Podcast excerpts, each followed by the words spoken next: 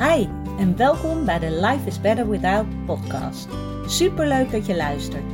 Mijn naam is Daphne en dit is de podcast voor iedereen die kampt met een eetprobleem en daar graag vanaf wilt.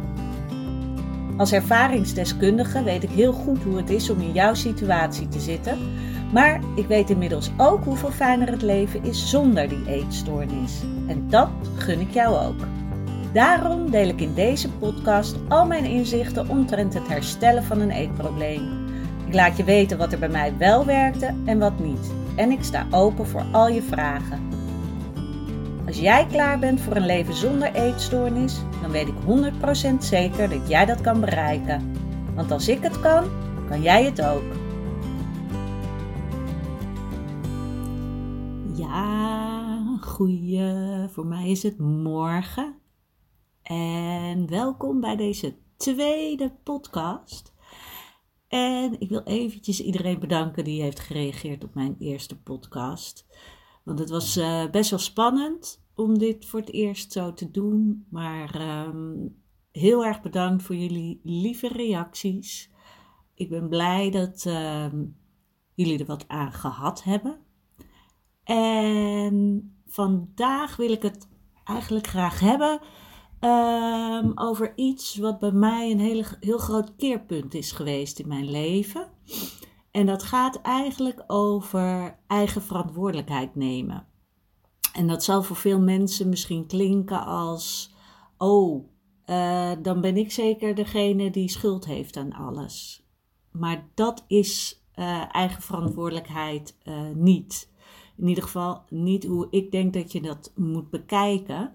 Maar het kan je heel veel uh, vrijheid en opluchting geven om op een andere manier naar dingen te kijken. Het is jezelf uit de slachtofferrol halen en uh, ja, jezelf eigenlijk aan het stuur te zetten van je eigen leven. En ik ben eigenlijk voor eerst daarmee in aanraking gekomen, of dat, dat ik het besef kreeg tijdens uh, mijn therapie. Uh, bij die fantastische therapeuten waar ik het uh, over heb gehad in mijn eerste podcast. En er was een voorval. ik moest mijn belastingaangifte doen. Ik was mijn wachtwoord kwijt. En het was de grootst mogelijke toestand om dat wachtwoord te terug te vinden.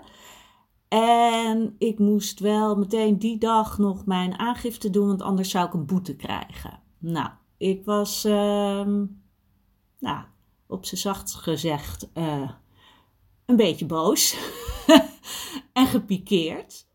Want ik wilde dat toch doen. Maar de Belastingdienst maakte het mij moeilijk, omdat uh, ze mijn wachtwoord niet op tijd, uh, uh, omdat ik mijn wachtwoord niet makkelijk op tijd terug kon vinden. En het was hun schuld. En het is ook altijd zo'n gedoe, die klote belasting invullen. En dan krijg ik ook nog een boete. Nou, ik stapte totaal in de slachtofferrol. En toen zei mijn therapeute: Ja, ik begrijp wat je bedoelt. Maar als je er op een andere manier naar kijkt, uh, dan, ja, dan kan je er een beter gevoel over krijgen. En ik dacht, nou, hoe kan dat nou? Uh, ik wil die boete niet en ik vind de Belastingdienst gewoon stom en uh, ik kan er toch niks aan doen. En toen gaf zij zelf een voorbeeld dat zij inderdaad ook een keer een boete had gehad en dat zij dacht bij zichzelf, ja, Uh, het is heel vervelend, maar ik had dat kunnen voorkomen. Ik ben mijn wachtwoord kwijt, niet de Belastingdienst. Ik had ervoor moeten zorgen dat ik mijn wachtwoord kon vinden. En het rare is, want het is natuurlijk een heel simpel voorbeeld, maar het heeft zo'n enorme klik bij mij gemaakt dat ik dacht: ja, inderdaad ik ben degene die ervoor heeft gezorgd dat ik mijn wachtwoord niet heb. Ik had ook kunnen bedenken, ik moet mijn wachtwoord ergens opschrijven waar ik er altijd bij kan en dat ik het niet vergeet. Het heeft niks te maken met dat de Belastingdienst mij iets aan wil doen. Want zo voelde het. Zo van, ja, uh, zul je zien dat ze mij weer, het moet mij weer overkomen, dat gevoel. En zo ben ik eigenlijk iedere keer nadien naar situaties gaan kijken waarbij ik voelde van oeh, ik geef iemand anders de schuld of iets anders de schuld. Ik stap in de slachtofferrol. En vaak doe je dat onbewust. Vaak weet je niet, ehm, niet eens dat je dat doet. En dat kan ik je echt aanraden om daarop te gaan letten. Wanneer stap jij in de slachtofferrol? Wanneer neem jij niet je eigen verantwoordelijkheid, maar leg je die bij iemand of iets anders? Omdat je denkt dat het jou weer wordt aangedaan. En dat is in mijn proces ehm, om mezelf beter te gaan voelen en uiteindelijk dus ook voor mijn herstel van mijn eetstoornis. Maar daaraan ten grondslag ligt natuurlijk dat je jezelf beter moet gaan voelen. Heeft zoveel geholpen. Um, omdat ik ineens dacht: nee, ik kan het allemaal zelf. Ik ben degene die dingen doet. Doe. En het is misschien lastig uit te leggen. Ik hoop ook dat je het begrijpt wat ik hiermee wil zeggen. Het is zoveel fijner als jij degene bent ja, die iets anders had kunnen doen. Want dan hoef je niet naar iemand anders te kijken. Uh, je zet jezelf aan het stuur. En ja, je kan wel heel boos worden op jezelf. Maar op de een of andere manier ja, had ik dan toch die behoefte niet. Het was meer echt van, nee, ik pak die verantwoordelijkheid. Ik had iets anders kunnen doen. En vervolgens nou, neem ik de situatie zoals die is, in plaats van er tegen ingaan. Ingaan tegen dat gevoel, jezelf zielig vinden. En ehm, nu kan je natuurlijk denken van, ja, maar dat kan natuurlijk niet in alle. Ik heb niet overal zelf uh, de verantwoordelijkheid voor, toch? Nou, ik kan nog wel een uh, voorbeeldje geven. Misschien uh, de mensen die mij volgen op Instagram hebben het misschien gezien. Er zijn afgelopen uh, storm. Vorige week was er storm. En toen ze, wij hebben een boshuisje op de Veluwe. En we kregen een telefoontje. Ja, er zijn twee hele grote berken op jullie huis gevallen. En er is schade. Natuurlijk denk je, oh nee, help. En Vroeger zou ik dan totaal in de stress geschoten zijn. Ik had gedacht, nee, dat gebeurt ons weer en dan moeten we weer geld uitgeven en wat shit en waarom op ons huis en waarom hadden ze die bomen niet beter in de gaten gehouden. Nou, die hele rambam. Maar in plaats daarvan denk ik, ja, het is heel erg balen, maar we hebben super geluk, want er is geen lekkage Tuurlijk is er schade en we moeten van alles uitzoeken. Maar we hadden anders kunnen bedenken: we nemen geen huisje in het bos, want het is nou eenmaal een risico om een huisje te nemen met veel hoge bomen om je huis heen. Maar had dat mijn leven beter gemaakt? Nee, want we zijn super blij met dat huis en dat risico nemen we graag op de koop toe. Tuurlijk is het balen, maar als ik had gewild dat dit niet was gebeurd, hadden we, ja, hadden we niet ons boshuis moeten kopen. Uh, vroeger werd ik bijvoorbeeld altijd heel boos als ik weer eens op de trein moest wachten. Als ik bijvoorbeeld vanuit Amsterdam naar mijn ouders moest uh, gaan om op bezoek te gaan. En op de een of andere manier had ik altijd vertraging. Ook een self-fulfilling prophecy, maar het kwam heel vaak voor. En dan was ik boos. En dan belde ik mijn ouders en dan was ik helemaal over de zeik omdat die trein weer vertraging had. En dan stond ik daar weer koud te leien en weet ik het wat. En toen dacht ik, ja, maar vertraging, daar kan ik toch niks aan doen? Nee, aan vertraging kan je niks doen. Maar als ik echt dat niet zou willen, had ik bijvoorbeeld kunnen denken, nou, dan uh, neem ik altijd een trein eerder. Of ik haal mijn rijbewijs en ik koop een auto. Inmiddels heb ik mijn rijbewijs, maar ik heb heel laat pas mijn rijbewijs gehaald.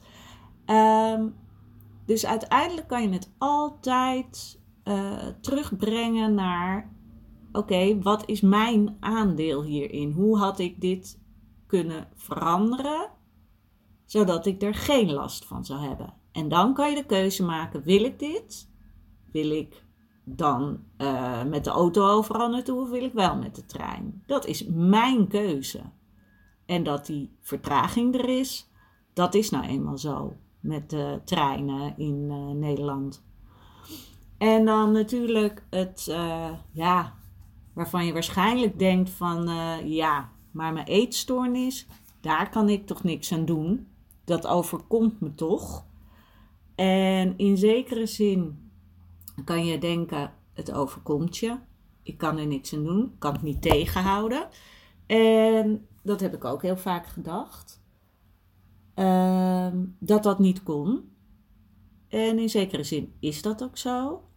Maar als je ja, terug gaat kijken, is het wel een keuze die ik heb gemaakt. Een onbewuste keuze. Het was niet zo dat ik dacht: yes, ik ga eens eventjes lekker uh, eetbuien hebben en die uh, ga ik er daarna weer uitgooien, omdat ik dat zo heerlijk vind om te doen. Uh, nee, absoluut niet. Maar in die zin het erkennen dat het er is, dat het niet komt door iemand anders. Tuurlijk spelen er heel veel dingen mee, maar de keuze om op deze manier met je eigen gevoelens om te gaan. In mijn geval was dat inderdaad eetbuien en het er weer uitgooien. Dat kan ook bijvoorbeeld door heel veel sporten of uh, overdreven gezond eten of niet eten. Het is allemaal de keuze die je zelf maakt om met gevoelens te dealen. En ja, je wordt vaak uh, een soort van overgenomen. Het is ook echt, denk ik, een soort van verslavingsgevoel. Maar dat wil niet zeggen dat het niet iets is ja, waar jij zelf aan ten grondslag ligt. Jij geeft als het ware het stuur over aan, in dit geval, je eetstoornis. Jij zegt: Oké, ik kan niet meer aan, dus ga jij maar achter het stuur zitten. En je geeft het uit handen. Je geeft de verantwoordelijkheid uit handen. En ik begrijp echt wel dat er misschien mensen nu zijn die denken: ja, hallo, uh, dat is lekker makkelijk gezegd. Uh, hier ben ik het niet mee eens. Maar ik hoop dat je, ja, eens even bij jezelf wil nagaan hoe vaak je de schuld buiten jezelf legt. En de schuld, dat, dat klinkt een beetje uh, zwaar, maar dingen die je overkomen, uh, dat je denkt van dat ligt aan de situatie, of dat ligt aan die persoon, of dat ligt aan uh, dat apparaat dat ik heb, wat het niet doet. Of...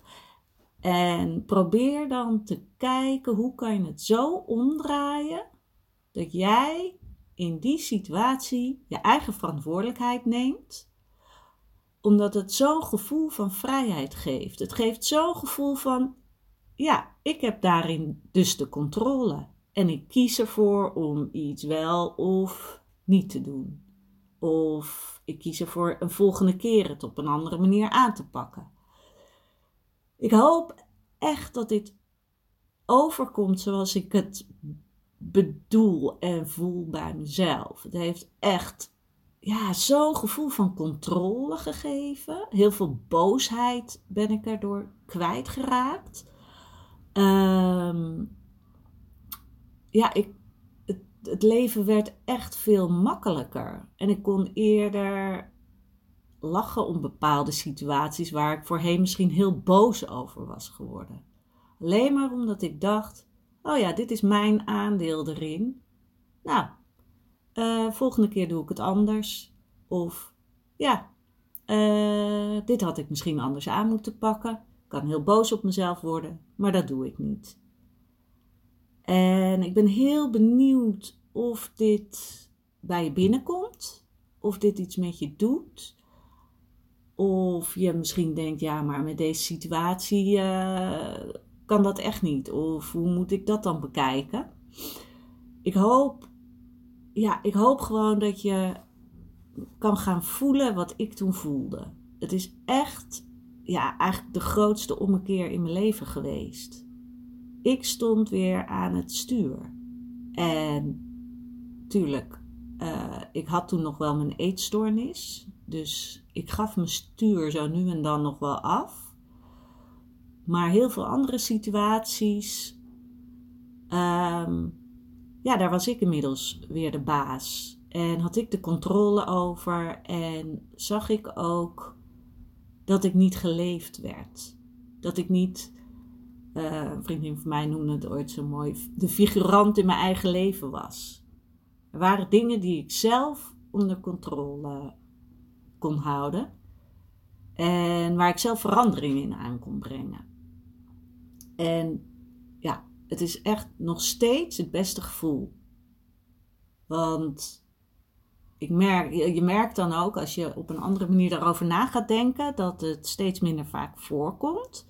Maar zo nu en dan, als ik denk van, verdorie, waarom gebeurt mij dit nou? En waarom heb ik dit? Dan denk ik weer, oh, stop, stop die gedachte. Even kijken, wat is mijn aandeel in deze situatie? Of hoe had ik het anders kunnen doen? Ik wil niet zeggen dat de uitkomst daardoor verandert, maar wel het gevoel wat je hebt over de situatie. Je kan het beter plaatsen. Nou, ik kan hier nog natuurlijk heel lang over, door, over doorgaan. Um, maar ik hou deze podcast gewoon kort over dit uh, onderwerp. En ik hoop gewoon heel erg dat je begrijpt wat ik bedoel. En dat je voelt dat je er wat aan hebt. En nou, laat het me zeker weten. En ook als je vragen hebt, kan je, kan je me natuurlijk altijd een DM sturen op Instagram. Dat kan op live.is.better.without. En dan uh, antwoord ik altijd met liefde. En uh, als je deze podcast interessant vindt, deel hem met mensen die er wat aan kunnen hebben. En dan spreek ik je de volgende podcast weer. Hele fijne dag.